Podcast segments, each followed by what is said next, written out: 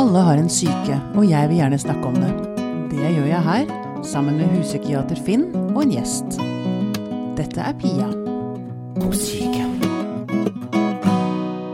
Et litt eh, kanskje stort og filosofisk åpningsspørsmål til deg i dag, Finn. Hvorfor er det så vanskelig å bare være? Altså være sånn passe flink, middelmådig. Altså bare være. Ikke størst, først, best. Bare være. Er ikke det en fin start på Jo, eh, nå må jeg passe på da bare å ikke være for flink. Eh, nei, jeg tror én måte å tenke det på er at det å være noen, så bygger vi ofte det på at vi sammenligner oss selv med andre. Og da plasserer vi oss eh, ofte i et slags hierarki. Altså hvis vi skal føle oss bra, så vil vi ofte være bedre enn noen andre. Ja. Og det er sånn vi måler vår egen, vårt egenverd, liksom? Mange gjør det. Ja. Og vi har jo store systemer rundt det, f.eks. noe som heter konkurranseidrett. Hvor man nettopp driver og definerer hierarkier og plasserer seg selv i forhold til andre. Og konkurranseidrett er vi glad i i Norge. Eller kanskje i hele verden. Jeg tror det- hele verden er glad i, og tidvis er vel det problematisk, tenker jeg. Ja. Em, jeg starter her i dag rett og slett fordi gjesten vår har sagt så mye klokt. um, og jeg måtte begynne på et sted. Hedvig Montgomery, velkommen hit. Takk. Du er litt vanskelig å favne fordi du gjør så mye fint og gøy. Um, du er psykolog. Uh, Reality-psykolog. Familieterapeut. Forfatter. Du har egen podkast, du òg. Mm. Nei, den er ganske ny, da må jeg bare si. Jeg føler meg som nybegynner der, apropos. Jo, jo, Ja. men uh, det er altså Det krever guts å være nybegynner òg. Det gjør det. Eller at du ikke skjønner helt hva du gjør. Ikke sant? Av og, til, av og til en kombinasjon av de to, tror jeg. Å våge det. Ja. Ja. Vi, um, vi må begynne på bøkene. Det er jo det Eller først så må jeg si jeg har jo forsøkt å få tak i deg veldig, veldig lenge. Jeg, jeg ble klar over deg faktisk for mange år siden i eh, boka til um, eh, Skålmo og, og um, Å, nå står det stille. De to DN-journalistene. Um, Skålmo TV og om TV 2. TV 2s eh, tiårsjubileum. Um, men nå har jo du vært veldig mange steder og snakket om disse bøkene dine, de fantastiske bøkene som har fått så utrolig mye skryt. Og solgt i 26 land. Ja, jeg tror bare det er 23, altså. Oh, ja, ok. Ja, foreldremagi- foreldremagibøkene. Mm. Eh, jeg må jo si at det var noe som lå så lenge i meg at når du jobber både med familier, men også med voksne, så er det så ofte du ser altså hvor mye matematikk det er i psykologien vår. Hvor mye som handler om helt enkel logikk. Hvor du kommer fra, hva du har møtt, hvem du er. Summen har noen ting å si. Ja. Og det er klart, hvem du er, hvilken genetikk du har, det får vi ikke gjort noe med. Det er noe av det vi må alle lære oss å leve med, på godt og på vondt. Men hvordan du er blitt møtt, og hva, hvordan det er blitt håndtert når ting har vært skikkelig skikkelig vanskelig, det betyr noe for hvordan du har det her og nå. Ikke sant? Så etter å, og spesielt når du jobber med reality, så blir jo dette veldig åpenbart. Fordi det handler jo om å gjøre vurderinger, apropos. Eh, klare å forutse noe. Hvordan vil det gå med deg når vi tar deg ut av ditt liv og setter deg inn et helt nytt sted? Eh, da må du bli god i å, skjønne denne matematikken. Og på et eller annet tidspunkt så kjente jeg at jeg har lyst til å gi noe tilbake. Jeg har lyst til å si noe om hva er det du kan gjøre tidlig nok til at summen blir god Ja. nok. ja. Eh? Når du sitter der som voksen. Fordi at den summen er god nok. Det er det som gjør at du blir Ja, får den plassen i samfunnet, får den plassen i flokken, som gjør at, eh, at det hele går rundt. Mm, nettopp. Um, det jeg tenker som da voksen, eh, som ser tilbake på barndommen og tenker at der var det vel ikke alt som var helt som det skulle. Det, det er litt sånn sårt å merke og høre all fokuset barn får i dag. Det er, det er helt fantastisk, bare for å ha sagt det, for de barna som vokser opp i dag. At de får så mye rom, at det er så mye oppmerksomhet, at man forstår dem så mye bedre. Men det er sårt som voksen å sitte og tenke at ah, shit, det skulle ønske jeg liksom var født i dag. Det er ofte når jeg har vært ute og snakket at det utløser eh, mange tilbakemeldinger nettopp fra godt voksne Ja. som sier at 'nå skjønner jeg'. Ja. Hva det var som skjedde med meg. Eh, Sånn at det, det, det plasserer den puslespillbrikken i Mm. hva er det som har gjort at det har vært så vanskelig for meg å få tak i følelsene mine. Hva er det som har gjort det så vanskelig for meg å stå for det jeg mener? Hva er det som har gjort det så vanskelig for meg å sette grenser når andre har villet ha noe av meg? Ja. Plutselig så har puslespillbrikken falt litt ned. Ja. Eh, men ja, det er klart du har rett i det. Fordi vi hadde et helt annet syn på barn. Og det er ikke lenge siden. Jeg syns det også er et interessant poeng, fordi vi ser på den måten vi oppdrar barn på nå, som den eneste riktige. Eh, vi ser på den som nærmest naturgitt, og vi blir full av forargelse når folk fra andre kulturer eller andre land, som ikke er der akkurat nå, gjør det på en annen måte. Ja. Eh, og vi ser på det som umenneskelig, og vi ser på det med fordømmelse. Men sannheten er at det er ikke lenge siden vi selv har gått, altså vi har gått denne veien til dit vi er i barnesyn i dag, på ganske kort tid. Ja. ja, for blant annet så husker jeg da, jeg da jeg var liten, så trodde man jo egentlig at barn ikke følte noe særlig. Det er ganske radikalt, som Hedvig sier, hvor fort man har endret syn på dette. Altså ikke bare følelser som følelser, men også følelser som smerte. Altså en gang i tiden, som ikke er så mange tiår siden, så kunne hende at man ikke ga lokalanestesi til et barn.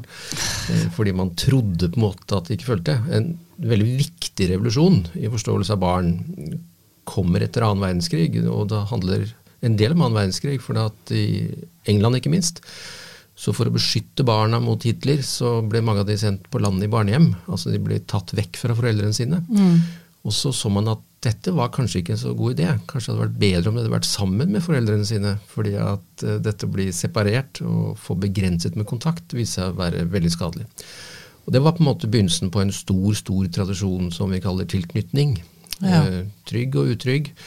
Og den gang jeg studerte medisin, så fantes ikke det ordet. Og i dag så er det kjernepensum eh, i en rekke rekke utdannelser, og det er et språk vi bruker for å tenke hvordan barna skal ha det godt. Ja, For det er vel kanskje noe av det viktigste, om ikke det viktigste, tilknytning. Å føle at man hører til i flokken.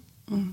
Første kapittel i hver av foreldre-magibøkene heter 'Båndet', og handler om eh, hvilke grep du må gjøre i forhold til eh, de forskjellige aldrene. For det er klart det er jo forskjellig å oppdra en ettåring og oppdra en tolvåring eller en 16-åring.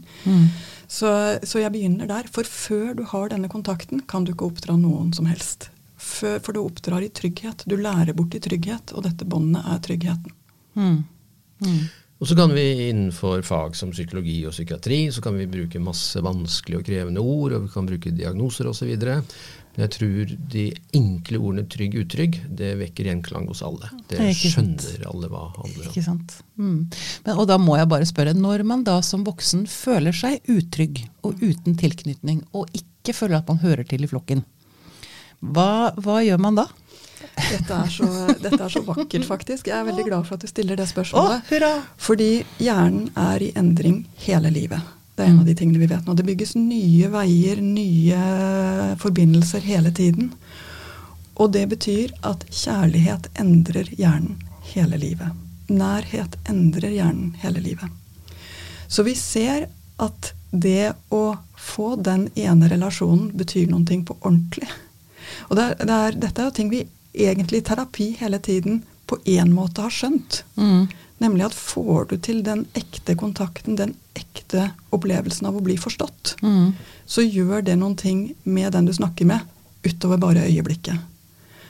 Og det er det, nettopp det vi ser nå, og som vi vet nå. Det er at den samme endringen ser vi i meningsfulle relasjoner også i voksen alder. Ja. Så ja, absolutt, det går an. Det går an å søke trygghet og mening, og få trygghet og mening i voksen alder. Men tør man det? det? Er det ikke det som er litt av problemet? At man nettopp ikke tør å gå dit? Men det er lettere når du vet om det. Og det er lettere også da å søke etter kanskje den som kan holde deg litt i hånden i denne prosessen. Ja. Så ja, det er, eh, det er noe veldig veldig vakkert i dette. Det er noe veldig sårt i dette. Mm. Eh, Et annet kapittel som er med i alle bøkene, er jobb med dine egne mønstre. Fordi hvis du er klar over at dette er noe du kan gjøre også i voksen alder, så har du jo da muligheten til å gi dobbel nytte av det, både til det barnet du har fått, og til deg selv. Ja. Det kanskje kunne vært godt å lese det for mm, det lille barnet som bor inni meg. Kanskje? Det er noen kapitler som jeg tror du kan lese fint uten å ha barn. Eh, I hvert fall så er de ment sånn. Ja. Fordi det å være forelder er ikke noe altså, Det er jo å være menneske. Ja, det er å være sammen. Det er ikke atskilt fra resten av Eh, En av mine fineste venninner som eh, ikke har barn, leste den og sa Men alt dette har jo gjort meg til en bedre leder. Eh, Mm. akkurat. fordi det er jo de samme tingene som er i spill. Ja. Eh, Så jeg vet ikke hvor spesielt det er, og jeg vet ikke om alle skal lese det heller, men at det er noen biter der som handler om det helt grunnleggende, det å være sammen. Fordi det er det som er basisen i en familie. Mm. Det er sammen. Det er den minste enheten vi har for å være sammen. Ikke sant. Og trygg og utrygg, da, for å være i det begrepsparet, det er jo veldig tett på noe som heter tillit, f.eks. Og noen fødes jo inn i familier og lærer tidlig å mistillit, og da ser vi at noe som ofte skjer, er at da får de ofte problemer med å lære. Fordi hvis du skal lære noe, så bør du også ha tillit, ikke til bare det du skal lære, men hvem du skal lære av. Du vil lære på alle plan, liksom? Ja, altså mat, alt lære å spise spagetti, og Ja, lære matematikk, og lære å sykle, og lære å bli frisk. ja. Eh, det handler ganske mye om at du investerer nok tillit til at du stoler på den du skal lære. Altså Hvis jeg en gang på 80-tallet hørte at nå er det en mann på månen som har landa der, så hadde jeg nok vært litt opptatt av hvem er det som sier det. Er det en tulling, eller er det en trygg person som sier det som jeg kan stole på? Slik at trygg, utrygg, det handler også om at vi kan oppsi, utvikle oss og bli friere, for at vi er trygge på at vi har folk rundt oss som vil oss vel. Ja, ikke sant. Ha. Det, det, det er igjen, dette har jeg sagt før, det baller liksom så på seg. Det er så urettferdig, fordi hvis du først begynner skeivt, så er det akkurat som det, det blir bare, bare vokser og vokser og vokser, liksom. Ja, det er men, mange gode sirkler, og så finnes det en del dårlige sirkler. Dårlige sirkler. Mm. Og igjen, det var vel litt av det som gjorde at jeg til slutt kastet meg langt ut av komfortsonen og inn i den eh, virvelvinden jeg havnet i. Jeg hadde jo ikke tenkt for øvrig at dette skulle ta av på den måten det har gjort. Eh, men det var nettopp at det er en del ting jeg så gjerne vil si til foreldre mens det ennå er tid. Er det mulig å få stopp i en dårlig sirkel i noen familier, så føler jeg at jeg har gjort en stor jobb. Ikke sant. Ja. Hm. Det mm, holder jeg med deg i. Men du, jeg har lyst til å gå litt tilbake til eh, si, starten min eh, når det gjelder deg, nemlig Bjørn Ekblad het han. Gøran skål med Bjørn Ekblad. se hva som skjedde. Eh, der husker jeg, det- det, Da sperret jeg øynene opp, fordi du, du jobbet som psykolog for TV 2. Det gjør du kanskje fortsatt? Ja.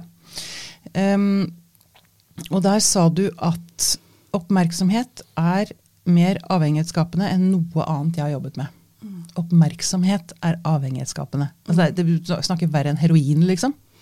Eller er det kanskje å Jeg er ikke vel... sikker på at det er en interessant uh, sammenligning. Uh, men dette handler jo om at det som er det farligste for oss mennesker, helt grunnleggende, det er avvisning.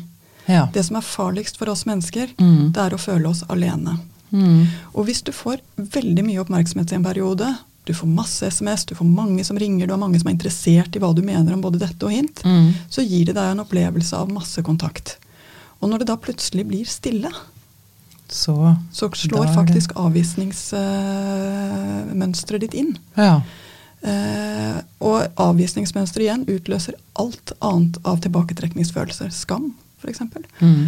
Eh, så det gjør at når du først har fått smaken på å være der, få den der, eh, de jevnlige telefonene, få mye fart rundt deg, Mm. så blir landingen når det blir stille, helt grusomt tøff. Fryktelig. Eh, og myke landinger har virkelig mye å si. For det er jo ikke det at vi trenger eh, å ha eh, 15 uh, tapte anrop hver gang vi ser telefonen. Det er ikke noe menneskelig behov. Men når det er blitt din eh, planke for Men det blir skapt, liksom? Altså, man blir vant til det? Du blir vant til det, rett og Mm, mm. slett. Så det er eh, den stillheten etterpå. Og det tok tid før jeg skjønte dette. Det skjer også etter innspillingsperioder hvor du har vært mye Du har blitt intervjua, du har vært, eh, blitt filma, ting har Mm. skjedd. Og så kommer du hjem til din egen leilighet og ditt eget liv. Eh, Jeg oppdaget dette med den første produksjonen jeg jobbet med, og da var vi tilbake igjen i 1999. Ja. eh, Hvor jeg begynte å tenke har alle blitt deprimert etter at de kom hjem? Hva er det som har skjedd? ja. Ja. Nettopp. Så, så, så enkel er den, og så grunnleggende menneskelig er denne mekanismen. Ja, Mm, når du blir vant til den oppmerksomheten du får, når den blir brått tatt bort, så oppleves det som en voldsom avvisning. Ja. Det jeg lurer på er um, um, Det er veldig mange unge i dag, og det har kanskje alltid vært sånn. Det virker som det, det er så innmari viktig å bli kjendis. Jeg bare tenker på nå altså, Det er vel avhengighetsskapende dette med Vi har vært borti det før. Klikkene du får på sosiale medier. Det er den samme mekanismen ikke sant, som, som slår inn der. Altså lik meg er en sterk mekanisme. det er ikke noe tvil om det. Eh, nå må jeg bare si at jeg tror nok at det alltid har vært 5 av eh, ethvert ungdomskull som har vært mye utagerende, mye synlige, og det har vært mye rundt. Mm. og nå er de mer synlige enn noen gang. Jeg tror nok ungdom er mest same same i forhold til, eh, til hvordan de var eh, for både 20, og 40 og 60 år siden. Mm. Men vil ikke sosiale medier liksom hause opp akkurat dette, som du sier, når en programleder eller en kjendis da plutselig ikke har 15 tapte anrop hver gang han tar opp, eller hun tar opp telefonen. Det er, altså, det er noe med at jeg har vært på sånn detox nå, mm, på mobil, altså på sosiale medier, og det tok en ukes tid eller noe sånt nå. Plutselig så glemte jeg den. Jeg kom på jobben her for noen dager siden og hadde glemt å ta av flymodus. Og det er helt sånn what? Altså, eh, vi har fått liksom et verktøy eller et, eh, et, nytt, et, en, et nytt dop, da. Eller? I hvert fall så har vi fått noe nytt som distraherer oss. Mm. Eh, noe voldsomt. Mm. Eh, og hva det betyr for noe, og hva det gjør for noe med oss, tror jeg ikke vi vet helt ennå. Nei. Uh, jeg tror det gjenstår litt å se. At vi må lære, men jeg, jeg er litt håpefull, merker jeg. Ja. Fordi jeg ser jo at uh, 15-åringer i dag håndterer det bedre enn 15-åringer for fem år siden. Å, gjør de det? Aha. Ja, det tror jeg jeg har lyst til å være enig med Hedvig i, samtidig som det kanskje er en nyanse i det, at jeg tror en del 15-åringer eh, håndterer det bedre enn før, og absolutt bedre enn mange av sine egne foreldre. Eh, og de er flinke på lydløs, og de legger den til side osv. Men så er det andre som ikke gjør det. Så vi snakker jo hele tiden om eh, forskjellssamfunnet, og jeg ser at liksom, noen får det til veldig bra, andre får det til ikke så bra. Jeg tror det er to ting vi snakker om. Det ene er jeg håper å si, like, lik meg. Eh, Og det er så enkelt som at en del av de som liksom laget disse mekanismene i Facebook-systemer osv., de visste nøyaktig hva de, Hva de gjorde. gjorde. Mm. De visste at dette var avhengighetsskapende. eh, og- Brukte rødfarge for å trigge ja, de visste det mm, altfor godt, og de har jo stått frem og sagt det. Og de sender sine egne barn på Montessori-skoler i California, hvor det er fullstendig mobilforbud. Eh, så det er liksom den, den avhengighetsskapende biten der. Det andre ting er at et moderne mediesamfunn hvor det går an å bli veldig berømt veldig fort. Altså En gang så hadde vi en kanal i Norge, og det var NRK, og der var folk fast ansatte. Og der var det ti kjendiser, liksom. Det var, det vi hadde. Og så kommer nye fjernsynskanaler, og så kommer prosjekter, du lager en programserie, og så legger du ned igjen. og så Plutselig så er det noen som blir veldig berømte fordi at du har disse visuelle mediene som har veldig stor spredningseffekt.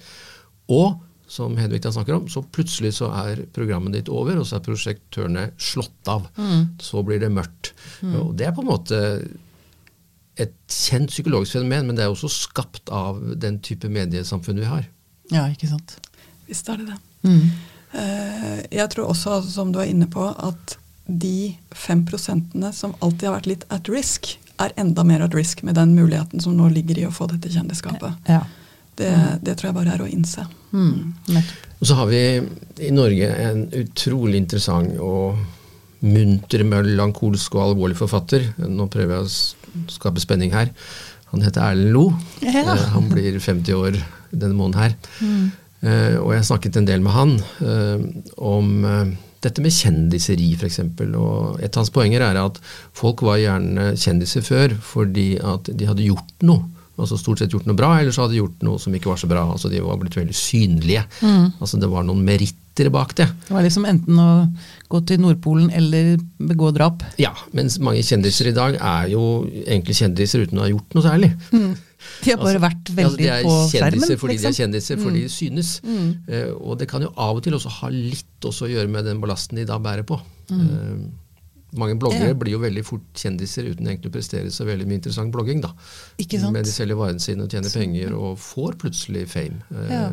Så det er kanskje noe med robustheten også hos en del av disse som eh, blir plutselig kjendiser. Det er jo dette som er Hedvigs arbeidsfelt. Ikke sant? Men fordi det betyr vel da at Eller er man ekstra sårbar for denne, dette dopet hvis man da ikke hadde god tilknytning som liten? Henger det, ser, du sammenhenger, ser dere sammenhenger der?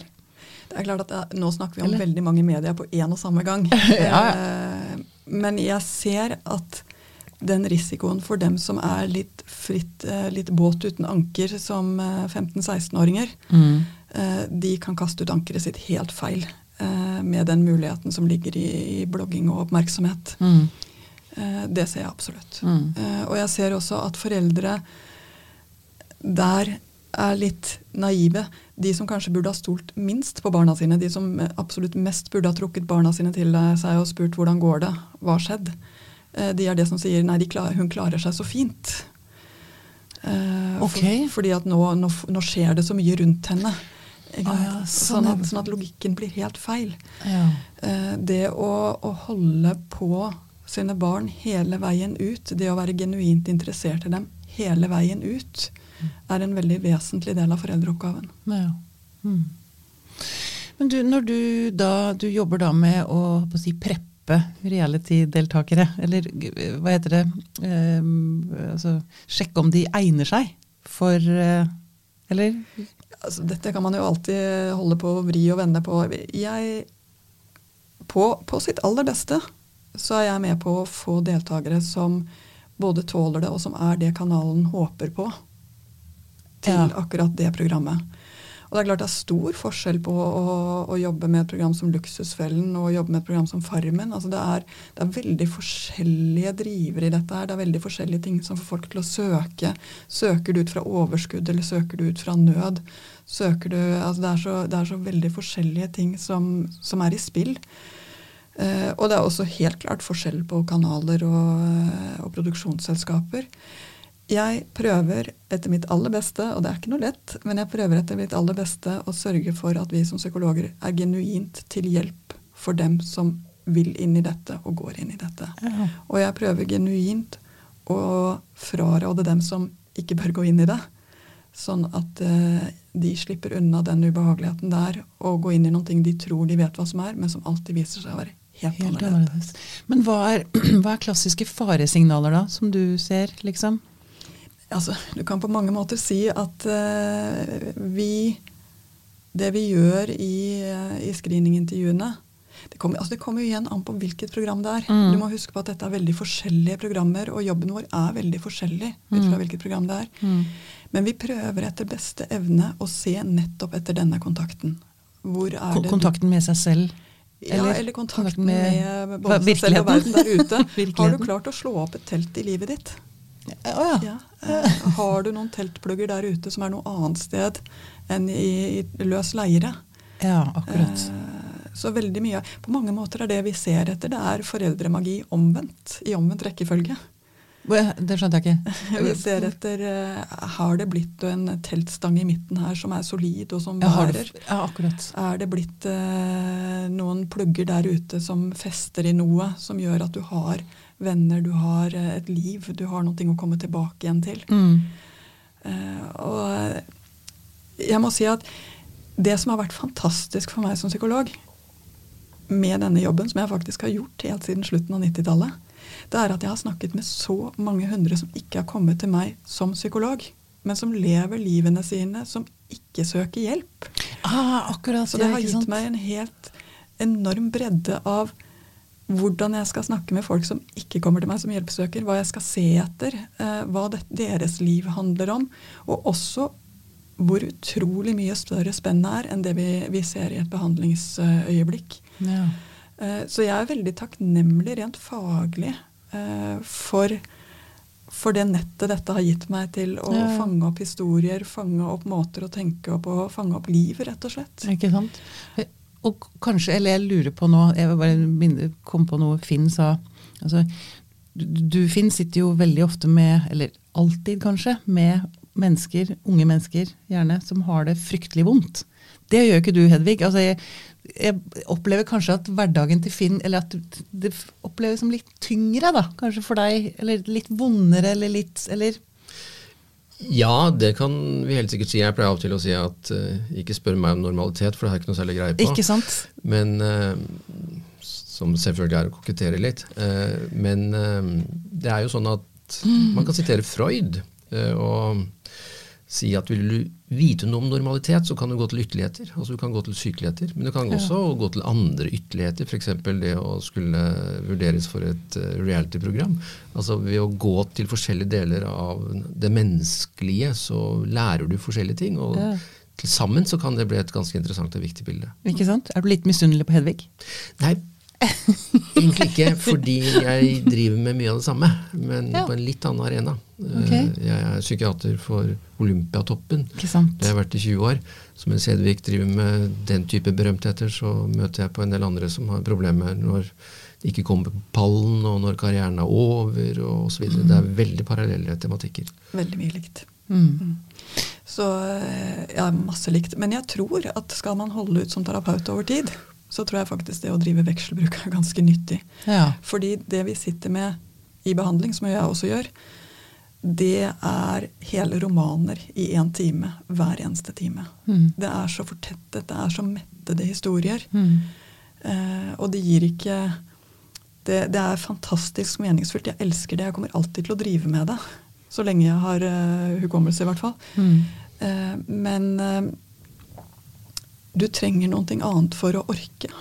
Eh, mm. Så, så, det vekselbruket har, har, vært har gjort at jeg har holdt på kraften, tror jeg, og gleden i det. Ja. Mm. Mm. Og da kommer vi liksom tilbake til åpningsspørsmålet mitt, egentlig.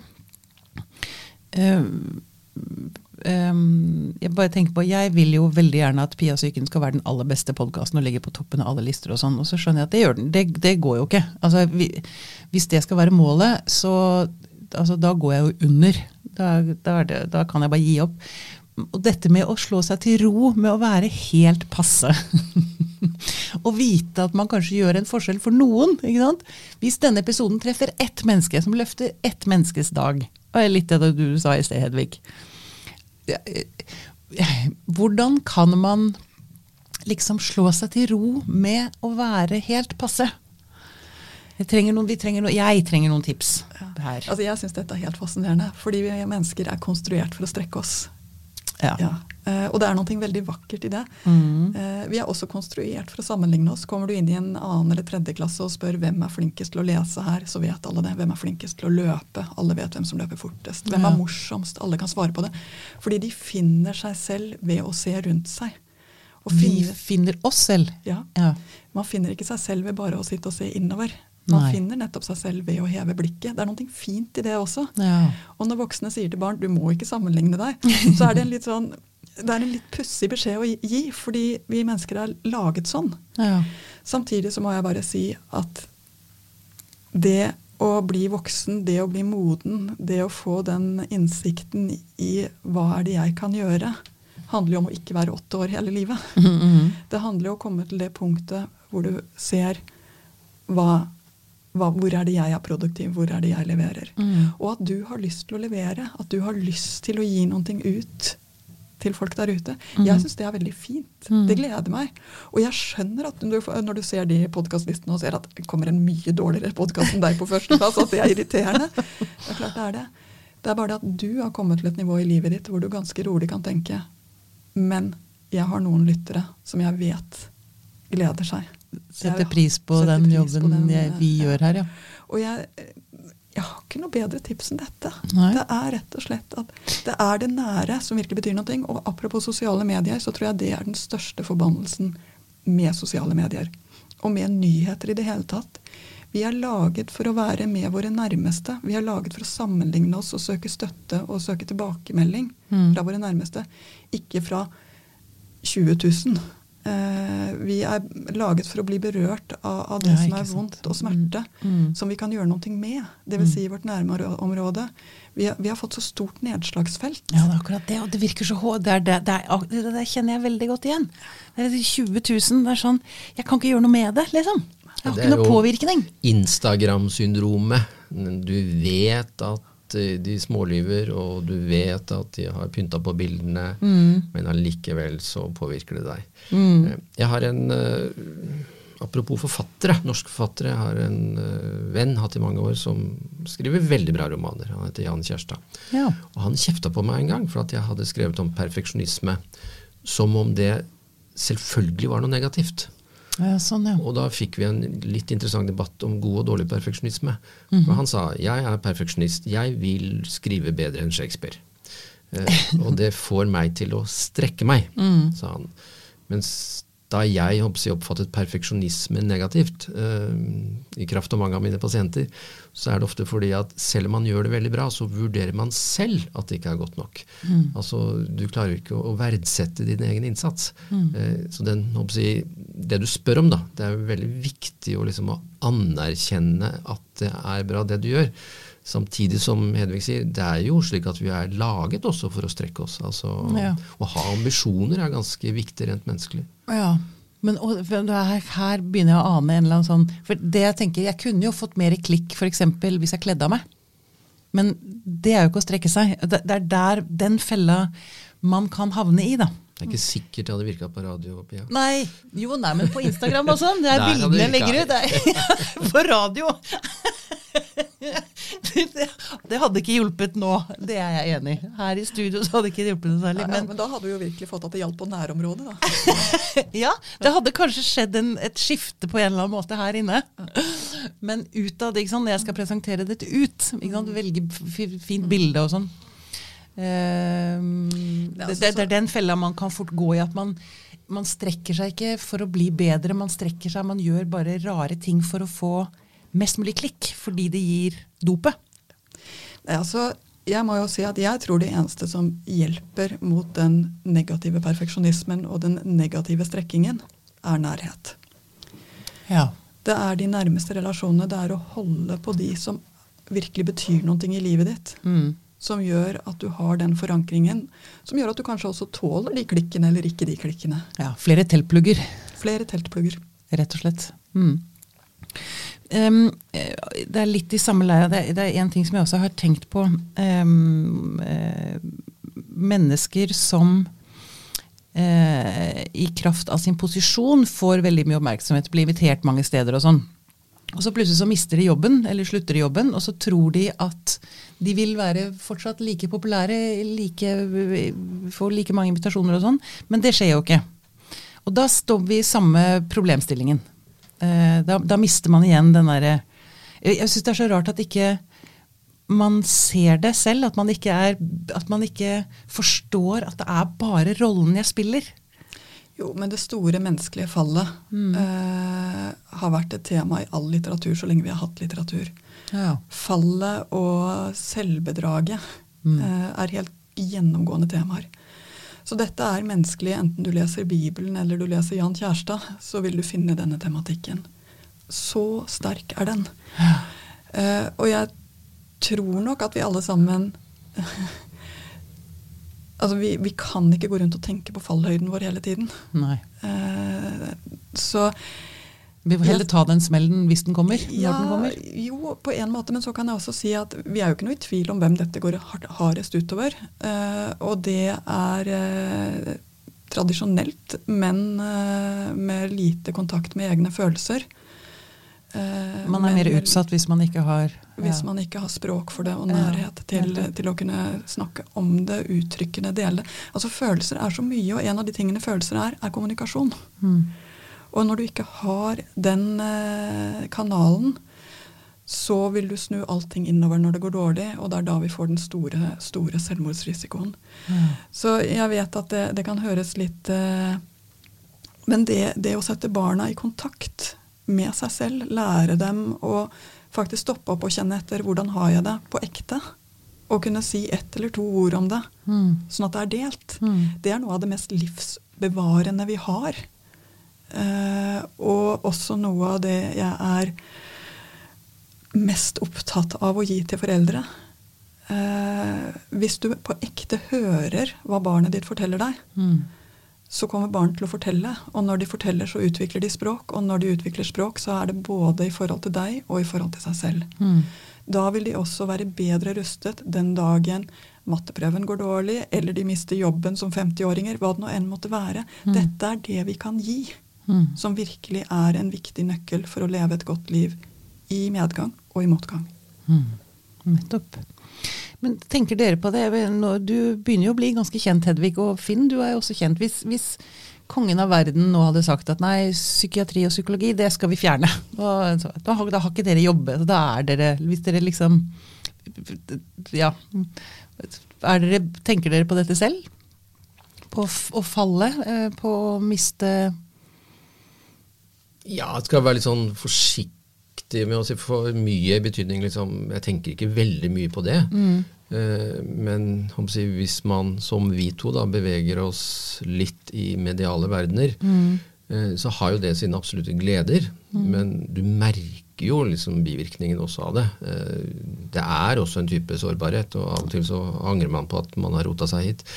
Eh, men man fortsetter gjerne, da. Eh, netto så er det vel liksom noe man finner lystfullt og meningsfullt nok. eh, Men eh, jeg tror ikke man skal undervurdere eh, hvor voldsomt det kan være å bli si, blottstilt om man har gjort noe galt eller ikke har gjort noe galt. mm. I disse saftige mediesamfunnene, især hvor alle medier har en vanvittig tendens til å løpe i flokk alle sammen. Ikke Vi hadde sant? jo en slags debatt da en tidligere minister i Norge, helseminister Tore Tønne, tok sitt eget liv. Mm. Eh, Jeg tror ikke folk helt skjønner prisen ved å bli hengt ut på seks forsider samtidig. Nei, ikke sant. Altså det, det er helt åpenbart at folk at det ikke skjønnes. Og vi har jo Virtanen som nettopp har kommet med sin bok eh, om sitt enorme fall fra å være en av de største spaltistene til Ja. å være komplett skjøvet ut i kulda i det svenske samfunnet. Vi har jo kommet inn i et samfunn som er veldig lite tilgivende. Mm. Det å gjøre dumme ting, som vi alle gjør. Eh, og jeg må vel si at jeg vet ikke hvordan det er med deg, men det hender at jeg tenker etterpå at der ble jeg for skarp, eller der var jeg ikke gjennomtenkt nok, eller Mm. det ble feil fremstilt, det som kom på trykk, eller som kom ut på eteren. Mm. Uh, og ja, man merker jo hvor mange det er som er litt ute etter å ta den som har kommet frem også. Uh, du plasserer deg selv i en sårbar posisjon. Jeg er veldig lite opptatt av, det må jeg nok helt ærlig si, kanskje fordi jeg er litt av Det jeg er genuint opptatt av, for å begynne der, det er å få formidlet noe som jeg virkelig tror kan gjøre verden til et bedre sted. Og, og så eh, nesten, jeg, Når jeg hører det, så tenker jeg hæ, er du helt selvhenført? Tenker du at dette kan gjøre verden til et bedre sted? Ja, jeg tror det kan gjøre en forskjell for mange nok Mm. eh, til at det er verdt den prisen der. Men per i dag syns jeg egentlig prisen er for høy. Allerede Ja. her og nå.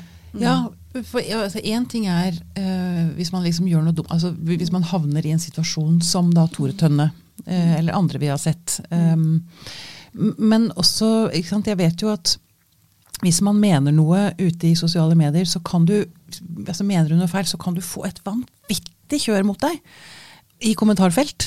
Ikke sant? Journalister og kommentatorer og altså og det er, bare, bare det kan kreve virkelig sin kvinne eller mann altså, å stå i.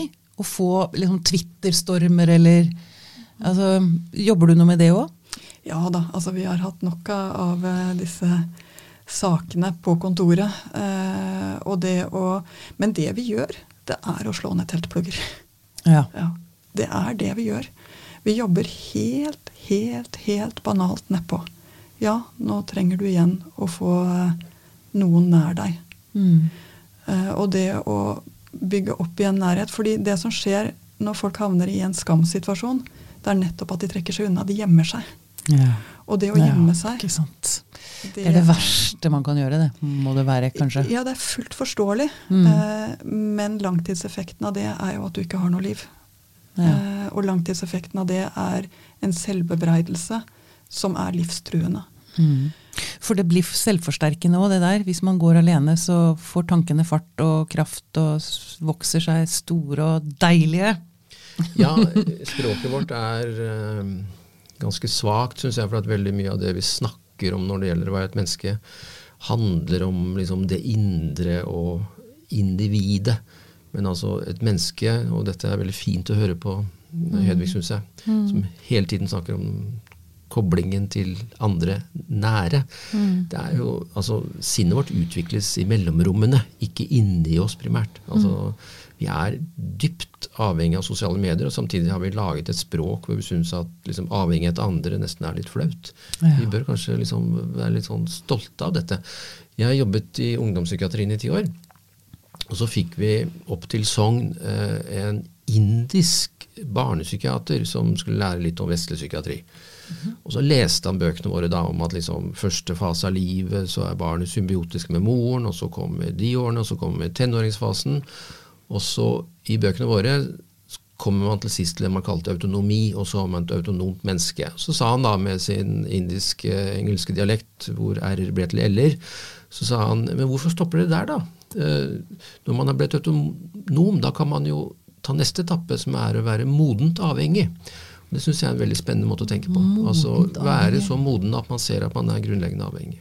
Og da kan man kanskje være avhengig på en litt sånn eh, litt individuell fri måte også.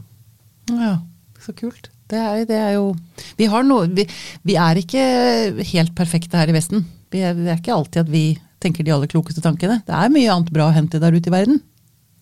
Det er det absolutt. Utvilsomt. Mm. Men til slutt da så har jeg lyst til å spørre dere om eh, Ja, man trenger nærhet, man trenger flere teltplugger.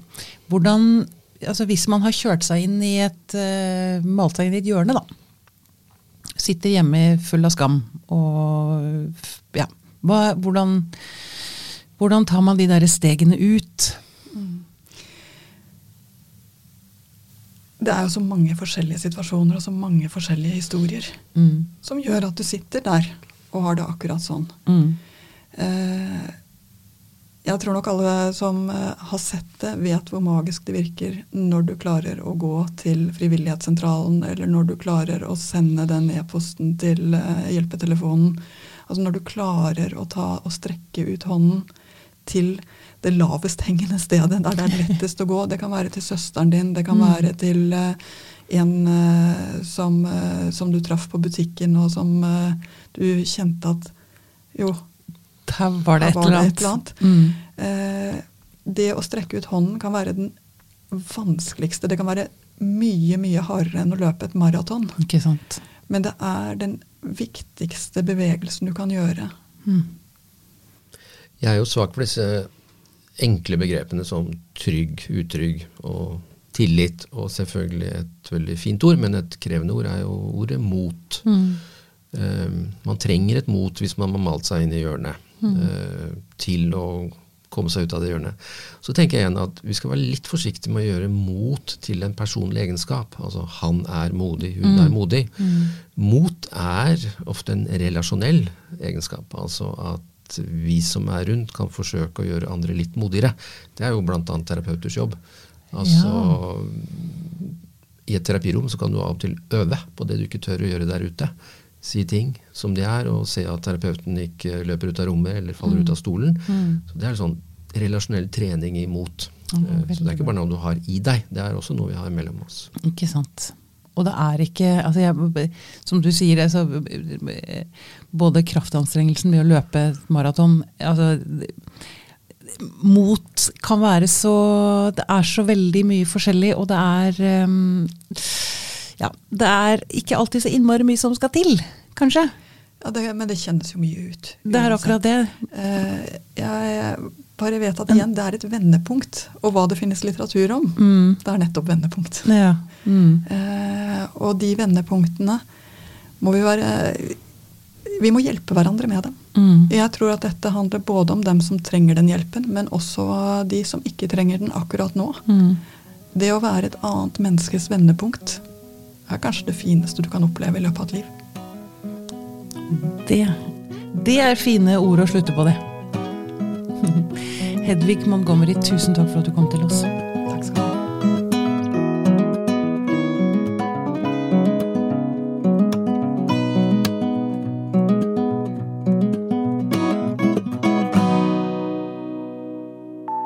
Podkasten er produsert av Tid og Lyst. Med støtte fra Ekos legat.